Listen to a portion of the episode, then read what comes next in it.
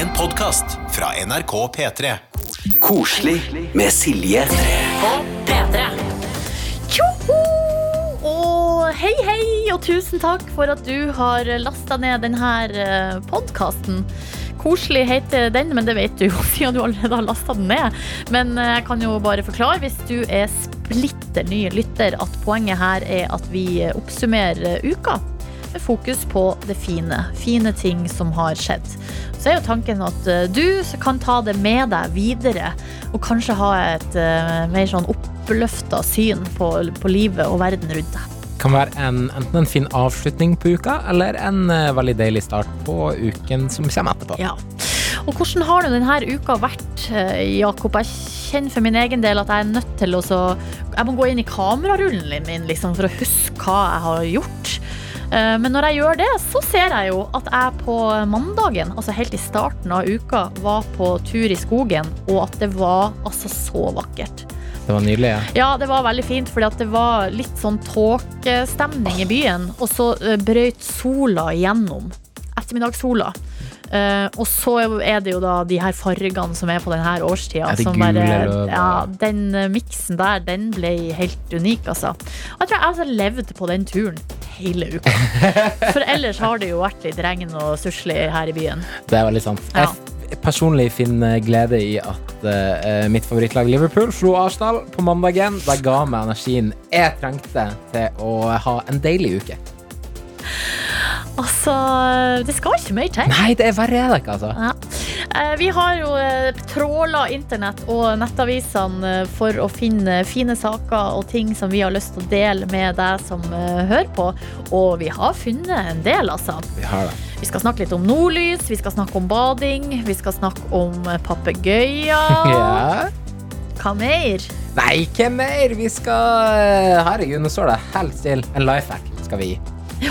Ukas overskrifter blir også, og selvfølgelig Silje Ring, lokalavisen. Så len deg tilbake, kjære venn. Nå skal vi pinadø kose oss. Koselig på P3.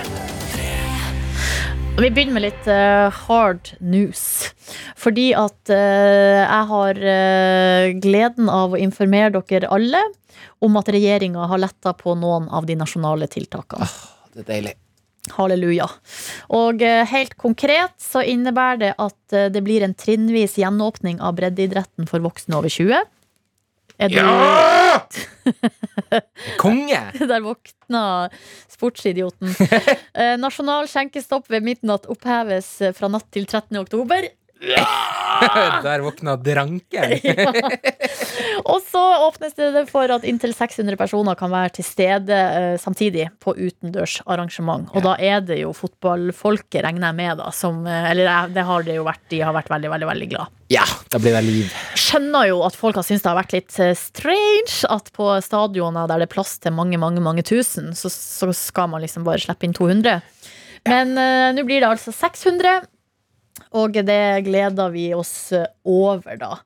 Utover det så eh, har jeg kommet over en veldig artig sak. Eh, nei, den er ikke artig. Den er faktisk bare eh, beint fram oppløftende. Det er noen forskere. Det er, altså, vi, forskerne de skal redde oss. De har funnet en eh, plastspisende bakterie som spiser plast seks ganger raskere enn eh, før. Et nytt superenzym har de eh, lagd, altså. Som eh, skal nå eh, De kan forkorte nedbrytningsprosessen av plasttypen PET.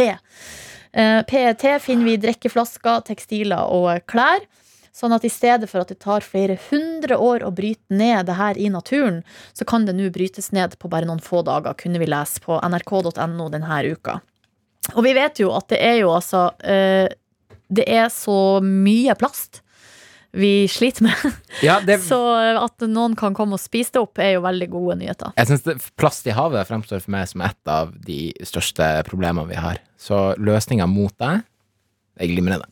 Det er meget bra. En annen artig sak som jeg kom over her på nrk.no, det er altså at nå driver de på i Tønsberg og uh, dyrker tomater uh, à la marche.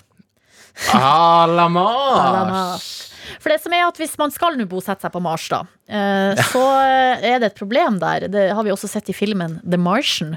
Det er ikke luft der, eh, det er ikke jord der, det er ikke vann. eh, Sånn at hvis du skal Da blir det vanskelig. ja, Hvis du skal lage mat der oppe når man skal bosette seg der, så må man ha med seg jord med bakterier og sopp, meitemark, frø og vann. Og der, Nå har NASA utvikla en modell som gjør at man kan eh, drive matproduksjon der ingenting går tapt. Alt går bare rundt og rundt og rundt. Og her driver de og gjør det nå i Tønsberg. Der får de eh, hageavfall fra folk, og så er- leverer bønder møkk og urin. Eh, det her blandes godt. Ut kommer biogass, matjord, gjødsel og ny mat. Foreløpig bare tomater, da. Og det her er liksom Det er, ve det er veldig bærekraftig. Hør på meg, eksperten. Ja, Det er veldig bærekraftig. Men, men det er et, et kretsløp sånn at, som bare går rundt og rundt. Sånn at uh, fra den maten ikke sant, som uh, blir produsert, så spiser man den, og så, uh, og så kanskje dyrene kan spise det, så bæsjer dyrene ut, og så bringer du det tilbake, og så har du et evig kretsløp. Det her høres jo veldig bra ut, og det minner meg om den gangen jeg var sånn syv eller åtte, og så hadde naboene våre en ponni i hagen, og så måtte jeg gå og hente bæsjen til ponnien, sånn at vi kunne bruke den som gjødsel i vår hage. Ja, Akkurat det samme. Det er kjempelurt! Det er selvfølgelig en rar ting å gjøre, da. Hallo, kan jeg få ponnibæsjen, takk? I tillegg så har eh, Norge og 63 land nå eh, skrevet under på en eh, De har skrevet under på ei erklæring i forkant av en FN-konferanse om artsmangfold som har vært denne uka. Og her lover da de 64 statslederne å prioritere naturmangfold, klima og miljø i de økonomiske redningspakkene som kommer nå etter koronapandemien. koronapandemien. Skal sies at de aller største landene ikke har skrevet under, men det trenger vi ikke å bry oss med akkurat nå. Eh, selv om det selvfølgelig er veldig viktig, da. Det, Jo, jo. Ja. Men, Men eh, Erna er med? Eh, Norge er med, eh, og noen av de liksom konkrete eh, punktene på denne planen er at man skal redusere avskoging, stans fiske som ikke er bærekraftig, fjerne subsidier til miljøfarlige næringer, start overgangen til bærekraftig matproduksjon og jobb for en sirkulær økonomi. Akkurat det der med subsidier til miljøfarlige næringer, der tror jeg vi sliter litt i Norge. jeg tenker litt sjøl, stoppa litt opp på den selv der. Eh, det kan jo vise å bli litt utfordrende akkurat Ja, ja. nå, kanskje. Tanken er god, tanken er god. Tanken er god. Så får vi håpe at eh, statsledere over ganske ver den ganske verden eh, holder ord, da. Ja. Det var noen uh, nyheter. Nå skal vi over til uh, en annen nyhet som det har vært mye om denne uka, og det er kanskje det aller mest oppløftende naturfenomenet. Vi som er vokst opp i Nord-Norge der det er mørketid, vi har én ting som eh, vi har kunnet glede oss over og eh, meske oss med, og det er nordlyset. Denne uka har det vært altså så mye nordlys at man også har kunnet se det lenger sør i, i landet. Og vi har snakka med ei som har sett nordlyset for aller første gang. Koselig på P3. Denne uka har det vært eh, helt vilt nordlys over eh, store deler av eh, Nord-Norge. Og vi har med oss på tråden ei som har sett nordlyset for aller første gang. Hei, Kristine Karlsen. Hei sann! Hvor er det du befinner deg henne? Jeg befinner meg i Lofoten i Kabelvåg. Ok, og fortell om det du har opplevd denne uka. Nei, det har eh, vært eh, helt fantastisk. Jeg er jo fra Østlandet, så nordlys er bare noe jeg har sett eh, bilder av og forskjellige guida turer med nordlysgaranti, som jeg alltid har hatt veldig lyst til å oppleve. Og så går jeg på folkehøyskole her nå, og så har det jo vært helt fantastisk klarvær. Så vi har løpt ut hele gjengen. Vi har en sånn gruppe på Facebook som heter Nordlys. Med en gang noen eh, ser et lite hint, så skriver de, og så løper alle ut og slipper det de har i hendene for å se det vakre lysshowet på himmelen. Det er helt, eh, helt utrolig. Hvor, hvor var du, eller hvor var det du så det? Det var det rett utafor skolen. Så det var bare om å gjøre å prøve å slokke så mange lys vi greide. Og så løpe, løpe ut. Men eh, eh, kan det sammenlignes med det du har sett på bilder og video før? Ja, det er jo bare enda sjukere, da. Det, jeg føler meg litt sånn teit, og det blir jo veldig overdrivende. Men det er faktisk helt, eh, helt vanvittig når det er liksom grønt og rosa og lilla som bare danser rundt i himmelen. Det er liksom ti ganger bedre enn eh, alle slags raketter man har sett på nyttårsaften, i hvert fall. Men eh, hva er det som gjør at det er så fengslende, det her nordlyset, for deg, da? Tenker du? At det er så At det er så fengslende, eller at, man blir så, at du blir så fascinert av det?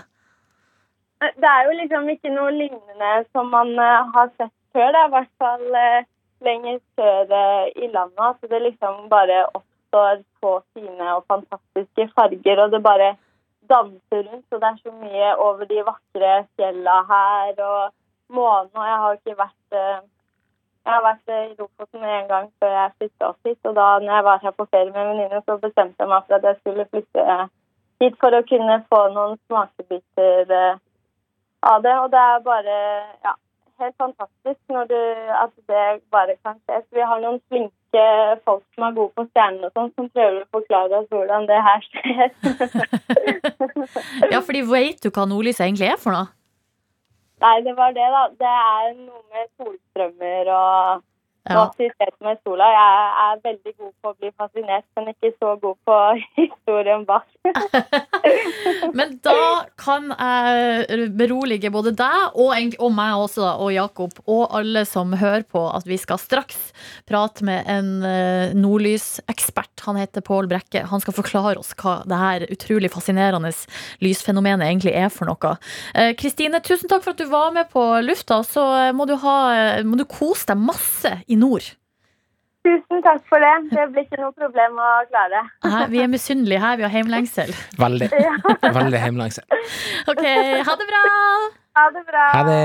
Koselig på P3. Vi har akkurat snakka med ei som har sett nordlyset for aller første gang i livet. Og selv om vi, Jakob, vi har nå sett nordlys mange ganger før. Så vet vi ikke helt hva det egentlig er for noe, selv om man ø, har fått det forklart, liksom. Eh, Men for å forklare oss det en gang til, eh, en gang for alle, nordlysekspert og solforsker Pål Brekke, hei! Hei sann. Hva er egentlig nordlys? Nordlys er egentlig en slags melding fra sola. Det er altså sola som styrer nordlyset og bestemmer når det skal være mye eller lite. Og Det var faktisk en nordmann som heter Christian Birkeland som for, for over 100 år siden da forklarte at det, det er sola som skaper nordlyset. Og at det er en strøm av partikler som da fyker ut fra sola og fanges inn av jordens magnetfelt og kan si styres ned mot polområdet på sola. Så sola er Nei, på jorda, mener jeg. Det har vært mye snakk om nordlys denne uka. Eh, altså, hvor mye nordlys har det vært denne uka, sammenligna med eh, normalen, kan man kanskje si? Og De siste dagene har det vært ekstremt mye nordlys, egentlig. Og det er igjen at det har skjedd noe spesielt på sola, som da sender av gårde ekstra mye partikler og med enda større hastighet. Som da har ristet ekstra mye på jordens magnetfelt. Og da har det blitt eh, mye nordlys både i Nord-Norge, men også langt sørover i Norge. Hva er det som kan skje da på sola, egentlig? Ja, det er he hele tiden så strømmer det ut altså en eh, partikkelstrøm fra sola som kalles solvind. og Det lager da nordlys egentlig hver eneste dag. og Typisk så ligger nordlyset mellom Nord-Norge og Svalbard ute i sjøen. så Man kan så vidt se det i horisonten langt mot nord. Men av og til så kommer det da enten solstormer, kraftig utbrudd på sola, som sender en voldsom sky av partikler mot oss. og Da treffer det jordens magnetfelt og, og rister voldsomt på dette. Og Det lager det vi kaller en geomagnetisk storm. og Da får man de kraftig flotte bevegelsene i nordlyset, og så trekker det seg lenger sørover. Og Så er det også en annen ting som kan lage kraftig nordlys, og det er det som har skjedd de siste dagene. Det kalles et koronahull. Og Det er altså en- slags åpning i solens atmosfære som kalles koronaen. Og da strømmer partiklene raskere ut fra dette hullet, kan man si. Og når det, dette vindkastet treffer jorden, så vil vi også kunne få slike kraftige nordlysutbrudd som vi har hatt de siste dagene. Så så det er to liksom, fenomener som da er med på å skape de kraftige utbruddene som folk eh, elsker å se. Men er det bare tilfeldig at det heter koronahull? Og så skjer det Det har ikke noe med korona Det har ikke noe med korona å gjøre, og det har heller ikke noe med koronaøl å gjøre. Eh, solens atmosfære heter altså koronaen. Eh, og det er en veldig varm eh, gass som da Det er der liksom de store soleksplosjonene skjer, og mye av dynamikken skjer. Og dette er et område på sola som vi faktisk ikke kan se fra bakken og med det blotte øyet. Vi må faktisk ut i verdensrommet, også fra satellitter eller romstasjon, for å kunne se denne delen av solen, da, og med spesielle instrumenter. Men uh, Pål, hvor høyt uh, Hvor langt er det fra oss og opp til uh, nordlyset? Ja, typisk så dannes nordlyset fra ca. 100 km og oppover til flere hundre km. Eh, kanskje 300-400-500 km. Slik at dette er et romfenomen. Eh, det skjer altså oppe i, i verdensrommet utenfor eh, den tykkeste delen av jordens atmosfære. Også langt over der man flyr med vanlig fly. Men hvis man flyr, så er det en veldig fin måte å se nordlys på. Det er at man skyflyr over skyene. Så hvis det er overskyet, så vil man ofte se nordlys fra fly hvis man sitter ved vinduet. Og spesielt hvis man flyr fra USA til Europa, spesielt til Norge, så må man alltid passe på å ha vindusplass på venstre side av flyet, for da ser man nordlys hver eneste natt man flyr, nesten. Fordi man flyr veldig langt mot nord på vei mot eh, Skandinavia. Life hack! men eh, men Pål, eh, en ting jeg lurer på, kanskje det er et dumt spørsmål, men er det nordlys på sommeren også, bare at vi ikke ser det? Det er helt riktig. Nordlyset er der til enhver tid. eh, Men om sommeren så er det jo midnattssol i Nord-Norge, og da ser man selvfølgelig ikke nordlyset pga. at det blir blendet av sollys. Eh, Men da er det ekstra mye kan du si, sørlys da, på en sydlig halvkule, for de har vinter der. Eh, Så nordlyset ser man altså egentlig best da fra typisk september fram til april, når det er mørke kvelder. Ok. Du, altså, jeg er jo vokst opp i Nord-Norge, det er vi begge to, da, mens Jakob han er fra Trofors, så det er litt, litt for langt sør, kanskje. Men eh, jeg har sett mye nordlys, men da jeg var lita, så fikk jeg fortalt at eh, vi som hadde blondt hår, vi måtte være obs på å ha på oss lue på vinteren, ellers så kunne nordlyset komme og ta oss. Kan du bekrefte eller avkrefte det? Det er riktig at det er en myte eh, at det skjer. Det er ikke riktig.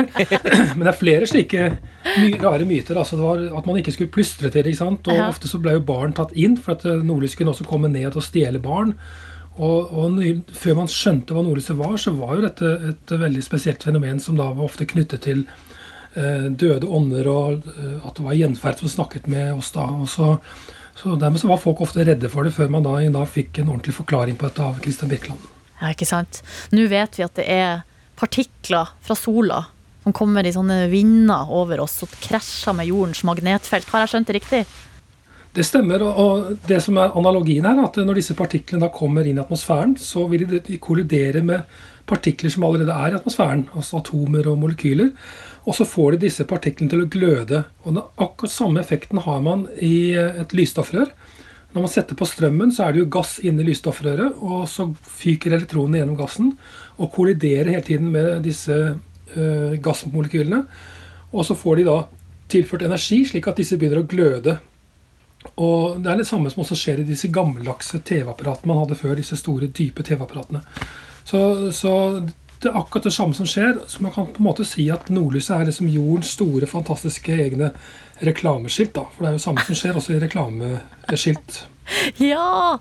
Men uh, helt til slutt, Pål, du som uh, jobber med det her hele tida. Uh, blir, hvor fascinert blir du nå av nordlyset? Når du ser det? Jeg blir fremdeles fascinert. Ja, det er, altså Nordlyset er jo aldri helt likt. Det er alltid forskjellige strukturer. Og det er klart at når du får disse kraftige utbruddene hvor du ser at hele himmelen det, det varierer noe voldsomt. Du ser nesten en slags sjokkbølge gjennom nordlyset, og det kommer masse farver som fiolett og, og rødt og andre farver. Eh, Det er veldig magisk, og spesielt hvis man tenker på at eh, eh, det har denne mystiske, historiske bakgrunnen òg, hvor folk var livredde for dette her. Og i dag så forstår vi dette her, at det er en del av koblingen mellom solen og jorden. Så jeg blir fremdeles veldig fascinert og, og blir aldri lei. Nei. Åh, det er godt å høre. Eh, for jeg har heller ikke blitt lei. Ikke jeg heller. Må nordover snart. Ja, straks. Tusen takk, Pål Brekke, for at du var med oss og ja, gjorde oss litt smartere på det her fantastiske fenomenet. Koselig på P3. Nå, Jakob, og du som hører på, så skal jeg fortelle om et bitte lite grep som du kan gjøre for å bli lykkeligere og ha det bedre med deg sjøl. Og det skal handle om bussjåfører. Og det er jo aktuelt denne uka, fordi at eh, det har vært en langvarig, en lang konflikt mellom eh, bussjåfører og deres arbeidsgivere. Altså det har vært streik. Busstreiken. Og det aktuelle denne uka, og som også var veldig gode nyheter, var at streiken var over på torsdag. Kunne vi endelig sette oss på en eh, buss igjen og nyte godene som det eh, gir oss. Ja, for det gir oss goder. ja, det gjør jo det. Man kommer seg jo fram fort og varmt og tørrskodd. Tørrskodd, ikke minst. Ja, det er veldig deilig. Men så til eh, den saken som jeg har kommet over, og det her lille lifehacket. Fordi eh, jeg har kommet over altså, resultatene av en undersøkelse som har blitt publisert i The Journal of Happiness Studies. Eh, og der så har de funnet ut at det å ha små, hyggelige ordvekslinger med sjåføren, f.eks. hilse og si hei, eller å si ha en fin dag, eller å si takk når man går av, det gjør deg lykkeligere. I prosjektet har de gjennomført to ulike studier med folk som pendler på buss, og undersøkelsene viser at de som hadde sånne små hyggelige eh, prater med sjåføren, eh, også hadde større sannsynlighet for å svare positivt på om de følte seg bra eller var lykkelig etterpå. Og jo oftere man har sånne positive møter med fremmede, som en bussjåfør jo er, jo større glede og større velbehag. Jeg kjenner meg så igjen Ja. i det her. Ja, jeg elsker å sette meg så langt framme som mulig når jeg tar buss, og gå på og av foran der bussjåføren sitter, sånn at når jeg går på, så kan jeg si hallais, og når jeg går av, så kan jeg si takk for turen. Og da føler jeg meg bedre. Men da er du kanskje en av de som, eh, som har, du har skjønt det uten at du visste det sjøl. Ja, og nå har jeg endelig forskninga i ryggen, og det er alltid deilig. Og eh, tidligere studier har jo vist at det å uttrykke takknemlighet, altså det å si takk til noen, altså det gjør oss lykkeligere. Men de studiene har handla om sosiale sammenhenger som varer lenger, og med folk man kjenner, da, liksom. Mm. Men det her er første gangen man har sett at det også gjelder sånne korte møter med fremmede. Og så har forskerne noen teorier på eh, hvorfor det er sånn. Og eh, da har de en teori som heter Find, Bind and Remind-teorien. Så det er tre ulike liksom, ting som spiller sammen her. Da. For det første, når man ser sjåføren og sier hei eller man sier takk, så finner man et møte med et eh, menneske man kanskje har tatt for gitt. Eh, for vi tenker liksom ikke over da, det at de hjelper oss. Nei. Liksom. Det er en person der. Mm. Ved å si takk, så får man et slags forbindelse til det her mennesket. Og det gjør at man får økt følelse av å høre til, og at man ikke er så alene i verden. Og til slutt så blir man påminna, altså reminded, på at de her menneskene som man møter, de gjør livet vårt bedre. Så, som eksempel at sjåføren eh, som kjører den bussen, får oss frem varm, fort og tørrskodd. Finn, bind, påminn. Yes. Så moralen, historien, eh, nei, moralen i historien er Vis eh, takknemlighet til de som gjør livet ditt bedre. Det gjør deg godt. Koselig på P3. Noen strekker seg litt ekstra langt for å gjøre godt for andre, Jakob. Ja, og det er noe vi hyller. Vi hyller det, og nå skal vi snakke med en fyr. Vi har han med på telefonen som jeg kom over eh, i Berg... Altså, jeg kom over en sak om han i Bergensavisen. Og det er Arne Haugland. Hallo og god ettermiddag. Hallaisen, hallaisen. Du Arne, du har altså bada hver eneste dag i september, og uh, har altså gitt eh, 100 kroner per person som har gjort det samme, for å uh, samle inn penger til sykehusklovnene. Det stemmer. Det stemmer. Og så er det altså det her er jo Du, er, du tok andreplass i VM i dødsing. Eh, så du har jo en plattform, en Instagram-konto med ganske mange følgere, eh, som har da kunnet følge det her prosjektet. Um, men fortell, hvordan kom du på eh, det her? Du, eh, jeg kom egentlig litt på det, for jeg satt og diskuterte med en kompis om eh, egentlig sommeren. og kom over det at jeg har vært såpass heldig og privilegert at jeg faktisk har fått penger. Jeg vant jo en grei sum da jeg eh, kom på andreplass i VM. Så jeg har fått penger for å bade. Eh, jeg liker å kalle bad, dødsing for bading, for at det, er jo, det handler jo om lek og utfordre seg sjøl litt. Ja. Og så hadde jeg lyst til å gjøre noe godt for noen andre. Og for min del da, så var, var det veldig naturlig å gå og støtte sykehusklovnene. Og så var det jo hvordan jeg kunne gjøre det. Eh, Så ble det til at jeg hadde lyst til å lage en litt sånn challenge på å bade hver dag i september. Og så for å skape rett og slett oppmerksomhet rundt sykehusklovnene. Men eh, hvor er det du har bada? Det er stort sett rundt i bergensområdet. Jeg har vært på Voss, jeg har vært veldig mye i Bergen, jeg har vært litt på Os. Så det, det er egentlig der jeg har vært. Hvordan har temperaturen vært i havet i september? Du, det har vært uh, ganske varmt og deilig. Uh, ja, det er ikke alle så enig med deg, men jeg, det, mest, det har ligget stort sett mellom 10 og 13 grader eh, hele veien. Det har det. Og det var noe deilig. Det er faktisk ikke så galt. Nei, det, det tenker jeg er en god nordnorsk sommer, det. Ja, det er en grunn til at jeg ikke bader når det er gode norske somre. Ja, nei, men det er jo det. Det er var norsk sommer. Men Arne, du, eh, du sa at det var naturlig å gå for sykehusklovnene, men vi er jo nysgjerrig på hvorfor du valgte akkurat dem da, å, å gi oppmerksomhet til. Fordi at jeg syns det er en fantastisk god organisasjon. Jeg må jo begynne å si det. Eh, Jeg har jo vært såpass heldig at jeg aldri har Jeg møtte de første gang for en uke siden, da. Eh, Men jeg har aldri hatt behov for de sjøl. Men jeg personlig syns at det er et så godt tiltak, og spesielt nå i disse tider når det er litt vanskelig å gå og besøker folk på sykehuset, så er det gjerne bare nærmeste familie barn får å forholde seg til. Og da er jo det å få et eh, ja, nå fikk jeg inntrykk av det sjøl, at å får et såpass smilende og glad menneske inn som kødder litt med deg og leker litt og får fram leken i det, syns jeg harmonerer litt med det som jeg sjøl eh, anser en bading som, da, som er lek. Ja. Nei, det er veldig kult, eh, Arne. Også, eh, ja, apropos lek, og eh, nå har du allerede sagt at du anser dødsing som bading. Men du holder på med Du dødsa, altså tatt andreplass i verdensmesterskapet der, og så fallskjermhopping. Er det mer sånn der type ekstreme ting du holder på med? Uh, ja, det har blitt veldig mye de to tingene i det siste. Men alt fra klatring, ski, snowboard, fallskjerm, isbading, dødsing. Ja. Hva, hvorfor det? hvorfor gjør du det? Jeg, jeg eh, er veldig glad i å utfordre meg sjøl. Og det å gjøre ting som jeg faktisk syns ser gøy ut, at jeg har lyst til å prøve det. Eh, Så det har liksom alltid vært at hvis jeg går og ser noe, så har jeg lyst til å prøve det. Og så er jeg glad i spenning. Så det henger jo litt sammen. Ja, ikke sant. Og nå har du også eh, bada hver eneste dag i september for å samle inn penger og gi oppmerksomhet til eh, sykehusklovnene. Og det syns jeg er Det er liksom lek som sponser lek, da. Ja. det er nydelig. Arne, du, har du noe fallskjermhopping på plakaten? Nær framtid? Eh, forhåpentligvis i morgen, hvis det blir litt eh, mindre vind. Men eh, nei, det er når jeg har tid og det er fint vær, så blir det litt hopping. og Det blir litt hopping. Bare bitte litt hopping. Få litt luft under vingene. Ja, det er nydelig.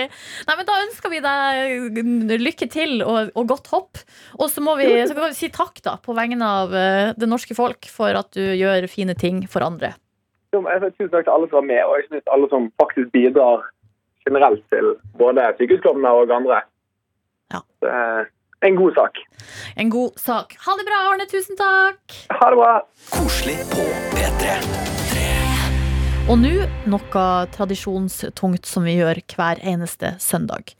Mine damer og herrer, hjertelig velkommen til ukas overskrift, uke 40! Hei! Oh, Overtenning allerede ved starten, ved- i startblokka. Over, ukas overskrift er eh, spalten der jeg mottar, altså jeg mottar tips fra du som hører på hele uka igjennom, og så plukker jeg ut de tre beste når vi nærmer oss eh, slutten av uka, og, og i dag er det jo søndag, og vi er helt, helt, helt på tampen. De tre artigste overskriftene får hederlig omtale her hos eh, meg, og de som får tipsene sine på lufta, ja, de får en overraskelse i posten. Vi gønner rett på med tips fra Sara her, som har tipsa om en sak fra Trønderavisa, og overskrifta den lyd 'Truls ble en ekte tøffelhelt'. og det er bare en megafin sak, eh, og med ei fin overskrift, Ja. om en litt dramatisk situasjon, altså. Det er en som heter Truls, som er 29 år, og som har eh, lukta intens eh, brentlukt. Han var ute i hagen sin, og plutselig så kjenner han at det lukta svidd. Eh, Jeg går først inn for å sjekke om fyren, men oppdaga raskt at det kommer jo ikke fra hans egen leilighet. Når han kommer ut igjen, så ser han at flammen står opp fra verandaen på nabohuset. Og da, vet du, tar Truls eh, saken fatt og finner en, bransje, eh, en hageslange, da. Eh, men den slangen var for kort til at spruten nådde eh, brannen. Men han fa eh, fant heldigvis en, en slange til som han kobla på. Eh, og da kunne han altså begynne å, koble, å, å, å slukke brannen med tøfler på føttene. Med tøfler på føttene. Ja, så det er derfor Truls er en ekte tøffelhelt. Ja, eh, og så går vi videre til neste sak. Emma har tipsa om denne saken fra Frostingen. Og den, er, den her er litt trist, egentlig. Men også veldig i tiden. Kanskje noe av det mest i tiden jeg har lest denne uka.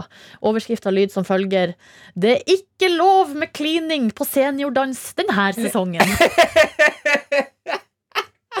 Denne sesongen. Denne sesongen. Så vanligvis eh, her på Frosta, der er det altså så mye klining på seniordansen. Men ikke nå. Her har avisen, lokalavisa vært og, på en øving, da. Og her har de en sånn liten pinne mellom seg, også når de danser. Oh. Så det blir ikke noe nærkontakt. Men danses, det skal det. Selvfølgelig skal det danses! Eh, Det må holde seg i aktivitet. Kjempeviktig. Jeg koser meg med seniordanse på Granedagene hvert år hjemme. Da har de fremføring og du er ikke med, det er mer som publikum. Ja, som publikum, ja. Ja, ja. Men uh, jeg har jo mine ambisjoner, selvfølgelig, når eh, det begynner å lakke og lir mot uh, pensjonisttida. Ja, riktig. For det, det hadde på en måte vært utrolig fint hvis du gikk på seniordans nå, Jakob. Hvor gammel er du igjen? 25. Ja, 25. Nei, men så bra da at du har planene i orden. Jeg har planene i orden, det. For, uh, for dine eldre dager. Til slutt så skal vi til Oppland Arbeiderblad, og det er uh, Geir som har tipsa om denne saken. Kjøpte denne fotogene grisen til 300 000 kroner. Vi trengte trekkplaster. Nå er jeg veldig spent. Du var litt nysgjerrig, det skjønner jeg veldig godt. Dette er en kjempestor og fin sak med et, eh, noen folk som driver en restaurant i Oslo som heter Den glade gris. Ja. De har jo hatt det litt røft eh, på grunn av helt naturlige ting den siste tida. Og nå har de bestemt seg for at de kunne ikke bare gi opp, liksom, og, og, og legge seg ned og, og, og slutte å investere, eksempel. Så nå har de investert i en 400 kilo tung skulptur utafor restauranten, som da skal bli et sånn slags trekk trekkplaster. Eh, De, eh, de, prøv, altså de har lyst til å skape Norges mest fotograferte skulptur nest etter Sinnataggen og monolitten. Oi, oi, oi, det er ambisiøst. Ja, men det er også PR på høyt nivå, det her. For de tenker jo at når folk er på restauranten, eh, eller går forbi, eller whatever, så, så sitter på en benk utenfor restauranten, der sitter altså en, fig, en gris, men i en sånn slags menneskeform, Ah. Uh, som sitter på benken og liksom lener seg tilbake. Sånn at du kan jo da sette deg ved sida av Ja, ja, ja. og ta bilde, og så ser det ut som du sitter i armkroken til grisen, og så tagger man den glade gris, ikke sant, og så har du det gående. Det er ballen i gang. Ja, så det syns jeg var litt artig um, påfunn, og artig også at Oppland Arbeiderblad kjører på med sak om det. Tusen takk, Geir, Truls og eh, Sara. Dere får en oppmerksomhet i eh, posten. Så det er bare å saumfare din lokale avis og send eh, tips om artige overskrifter til meg. silje.nordnes.nrk.no. Koselig på P3. Nå i Dyrenytt så blir det en papegøyespesial. Fordi altså, vi snakka om papegøyer i forrige ukes Dyrenytt. Eh, Du hadde med deg da, Jakob, en uh, sak om ei syngende papegøye som heter Chico. Ja. Som befinner seg da i uh, Lincolnshire Wildlife Park. Og Chico han uh, har skapt overskrifter rundt omkring fordi at han kan synge. Så vi skal bare ha et lite gjenhør med Chico sine kunstner.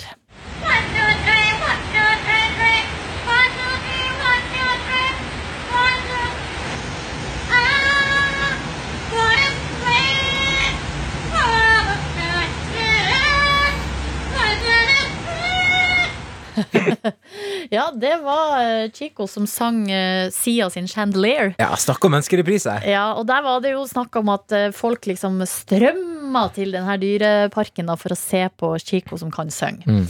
Så har det dukka opp en sak denne uka. Fra samme sted, fra Lincolnshire Wildlife Park i England.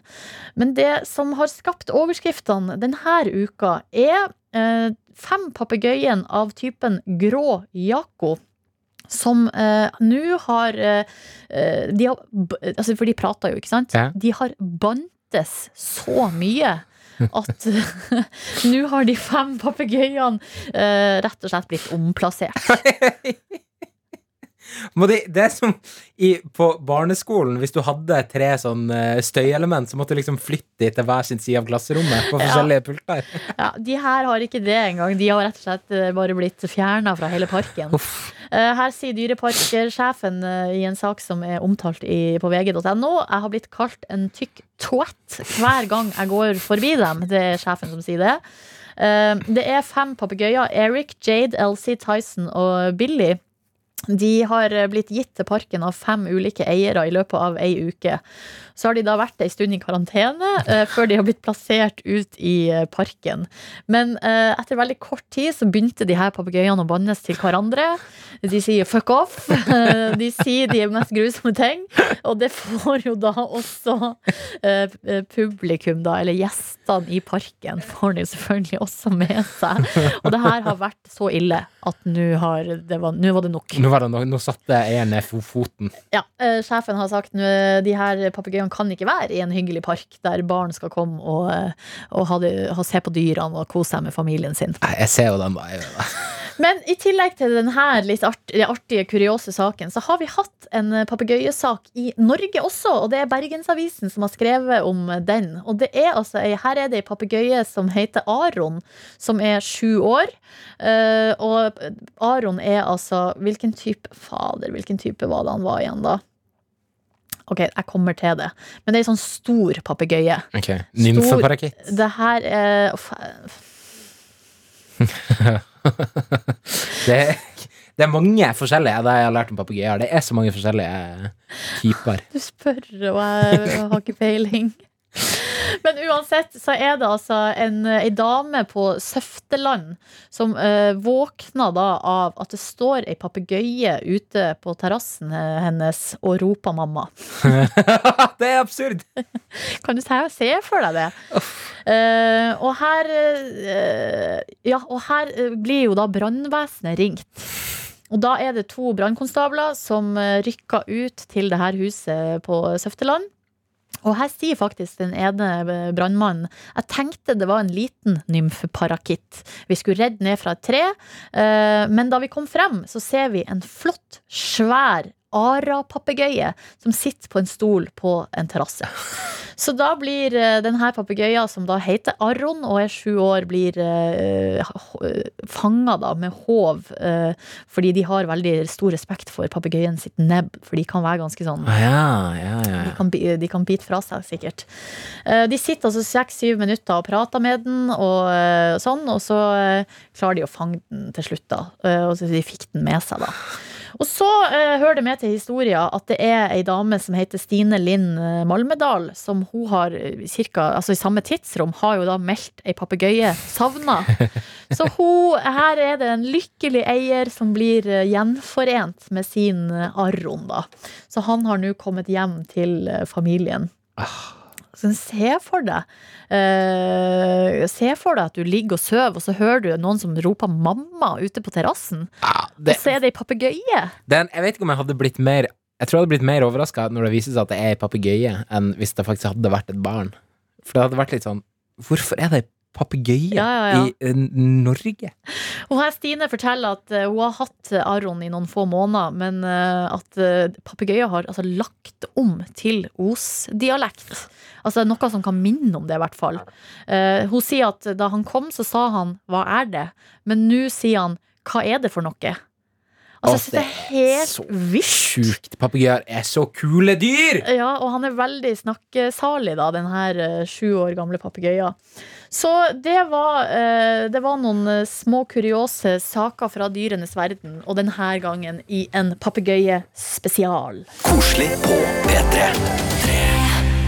Vi her i eh, Koselig vi eh, tenker at det er lokalavisene som er de som er aller, aller best på eh, positive nyheter, ikke sant, Jakob? Ja, de er det i min bok, altså.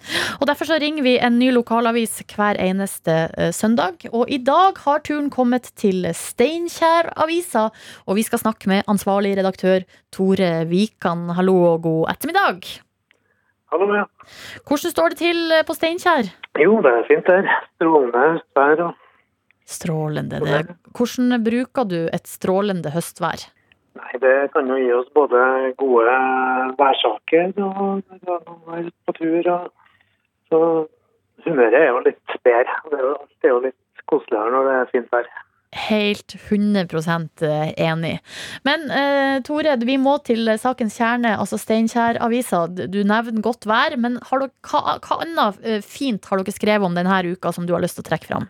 Ja, i dag, eller Denne uka her så hadde jeg en sak som jeg syns var veldig fin. En sånn skikkelig lokal eh, gladsak. Det var et uh, stort entreprenørfirma her kjente jeg, som har uh, ja, 130-140 ansatte. De uh, kan jo derfor ikke ha julebord på vanlig vis pga. koronaen. Så da bestemte ledelsen at da gir vi heller 1000 kroner til alle ansatte. og at de får bruk på en lokal restaurant. Så kravet er liksom at de må bruke lokalt da, ved å støtte opp det lokale næringslivet. Og så får de eh, 1000 kroner av bedriften til å bruke på det. For en genial idé! Ja, det er jo skikkelig vinn-vinn. Både så får de ut og spise en god middag, og så legger de igjen pengene lokalt. De har vist kvittering, og så får de pengene tilbake eh, betalt i etterkant. Som bevis på at de har brukt en lokal restaurant. Men altså, jeg begynner jo å gjøre matten med en gang her. Altså, de 140 ansatte, og så får hver ansatt 1000 kroner hver. Det blir jo litt. Ja, det blir jo det. De har sikkert lagt igjen det samme beløpet én plass på et uh, julebord, men da sprer de det utover på flere. Men altså, det er jo superpositivt. ja, veldig. Men eh, hvilken type restauranter har dere i Steinkjer? Eh, Vi har mye forskjellig. Det ene er jo hotellrestauranten på Gran, og så har vi et skikkelig bra steakhouse som heter Oks. Vi har eh, Familie, som er sånn franskinspirert eh, brasseri, heter det vel. Som er litt gelé. Og så har vi Sjef Mathall og litt eh, sushi har vi. Oi, oi, oi. Restaurant. Kinarestaurant. Vi har eh, grill. Vanlig, den uh, mer sånn standard grill-pizzarestauranter. Ja, jordbærpikene, og mye forskjellig. Fordi jeg har et, jeg har et spørsmål. Eh, Finnes Orion ennå? Orion finnes, vet du. Det gjør det? Hva er det for noe? Det er en eh, pizzarestaurant som jeg har eh, spist mang en deilig pizza på. Min mor er jo nemlig fra Steinkjer, Akkurat. Ja. så, så vært Orion, dem gjør det bra. vet du. Ja, men det er bra. Det er godt å høre. Men du, det her er jo en genial idé, så det kan jo hende at hvis det er noen bedriftsledere som hører på nå, som eh, kan jo skrive, skrive ned noen tips i boka. Hvordan man eventuelt kan løse en julebordsesong som da blir antageligvis, eller med høy sannsynlighet, litt annerledes akkurat eh, i år. Hvordan skal dere eh, løse julebordet i Steinkjer-avisa? Eh, vi, til oss er litt enklere, for vi er ikke så mange. Vi er bare seks ansatte. Så selv med, med partnere så er vi godt innenfor eh, grense på 20. Så vi, vi får vel til et julebord uansett. Yes! Det er deilig. Det er deilig. Ja, det var godt å høre. Tore, tusen takk for at du delte eh, gode nyheter fra Steinkjer. Og så ønsker vi deg en nydelig søndagskveld videre. Koselig på P3. Hvordan tror du det blir med vårt julebord, Jakob? Jeg har jo aldri vært på, på julebord før. Nei, så trist. Det er litt trist. Men hæ? Men ikke i stu, har dere ikke i stu når du har studert og sånn? Nei, jo, da har vi hatt sånn vennejulebord. Men ikke liksom på et sted jeg har vært ansatt. Nei, riktig. Nei, For det her er din første ordentlige jobb, liksom. Det er min første jobb som har vart til jul. Det er veldig bra. Altså, Vanligvis så har jo vi julebord her i P3, men uh, nå pga. situasjonen så er det ikke noen sosiale samkomster i regi av eh, jobben. Men det kan jo hende, Jakob, at jeg og du må ha et lite julebord. Og vi er jo bare to. Vi er jo bare to. Det må jo gå helt strålende. Det, det må vi nå inderlig håpe. Ja, vi får satse på det. Jeg har veldig lyst til det, iallfall. Ja, vi kan bruke tida fram til neste uke og spe spek spekulere i hvordan vi skal feire julebord. Og så skal vi selvfølgelig også eh, se eh, og følge med på nyhetsbildet. Og på alle mulige slags positive ting som skjer rundt omkring i Norge og i verden. Og så neste søndag så uh, forteller vi det til deg som uh, hører på. Og så må du gjerne fortelle oss om fine ting i ditt liv, Fordi det vet jo ikke vi noe om, og det er jo ikke sikkert at det når avisene. Men det betyr jo ikke at det ikke er bra for dere av den grunn. Nei, det kan fort være verdt å snakke om for deg. Ja, så send oss en mail, koselig krøllalfa, nrk.no, hvis du har opplevd noe fint, eller har lyst til å framsnakke noen som har gjort noe fint for deg i eh, livet ditt. Koselig krøllalfa, nrk.no. Og med det så ønsker vi deg en nydelig tilstand, en god uke, høstferie hvis du har det, og hvis ikke, eh, ha det godt. Ha det godt. Og si takk til de som gjør livet ditt bedre. Da vil du få det bedre også. Ha det bra! Ha det! Koselig på P3. Du har hørt en podkast fra NRK og P3. Hør flere podkaster i appen NRK Radio.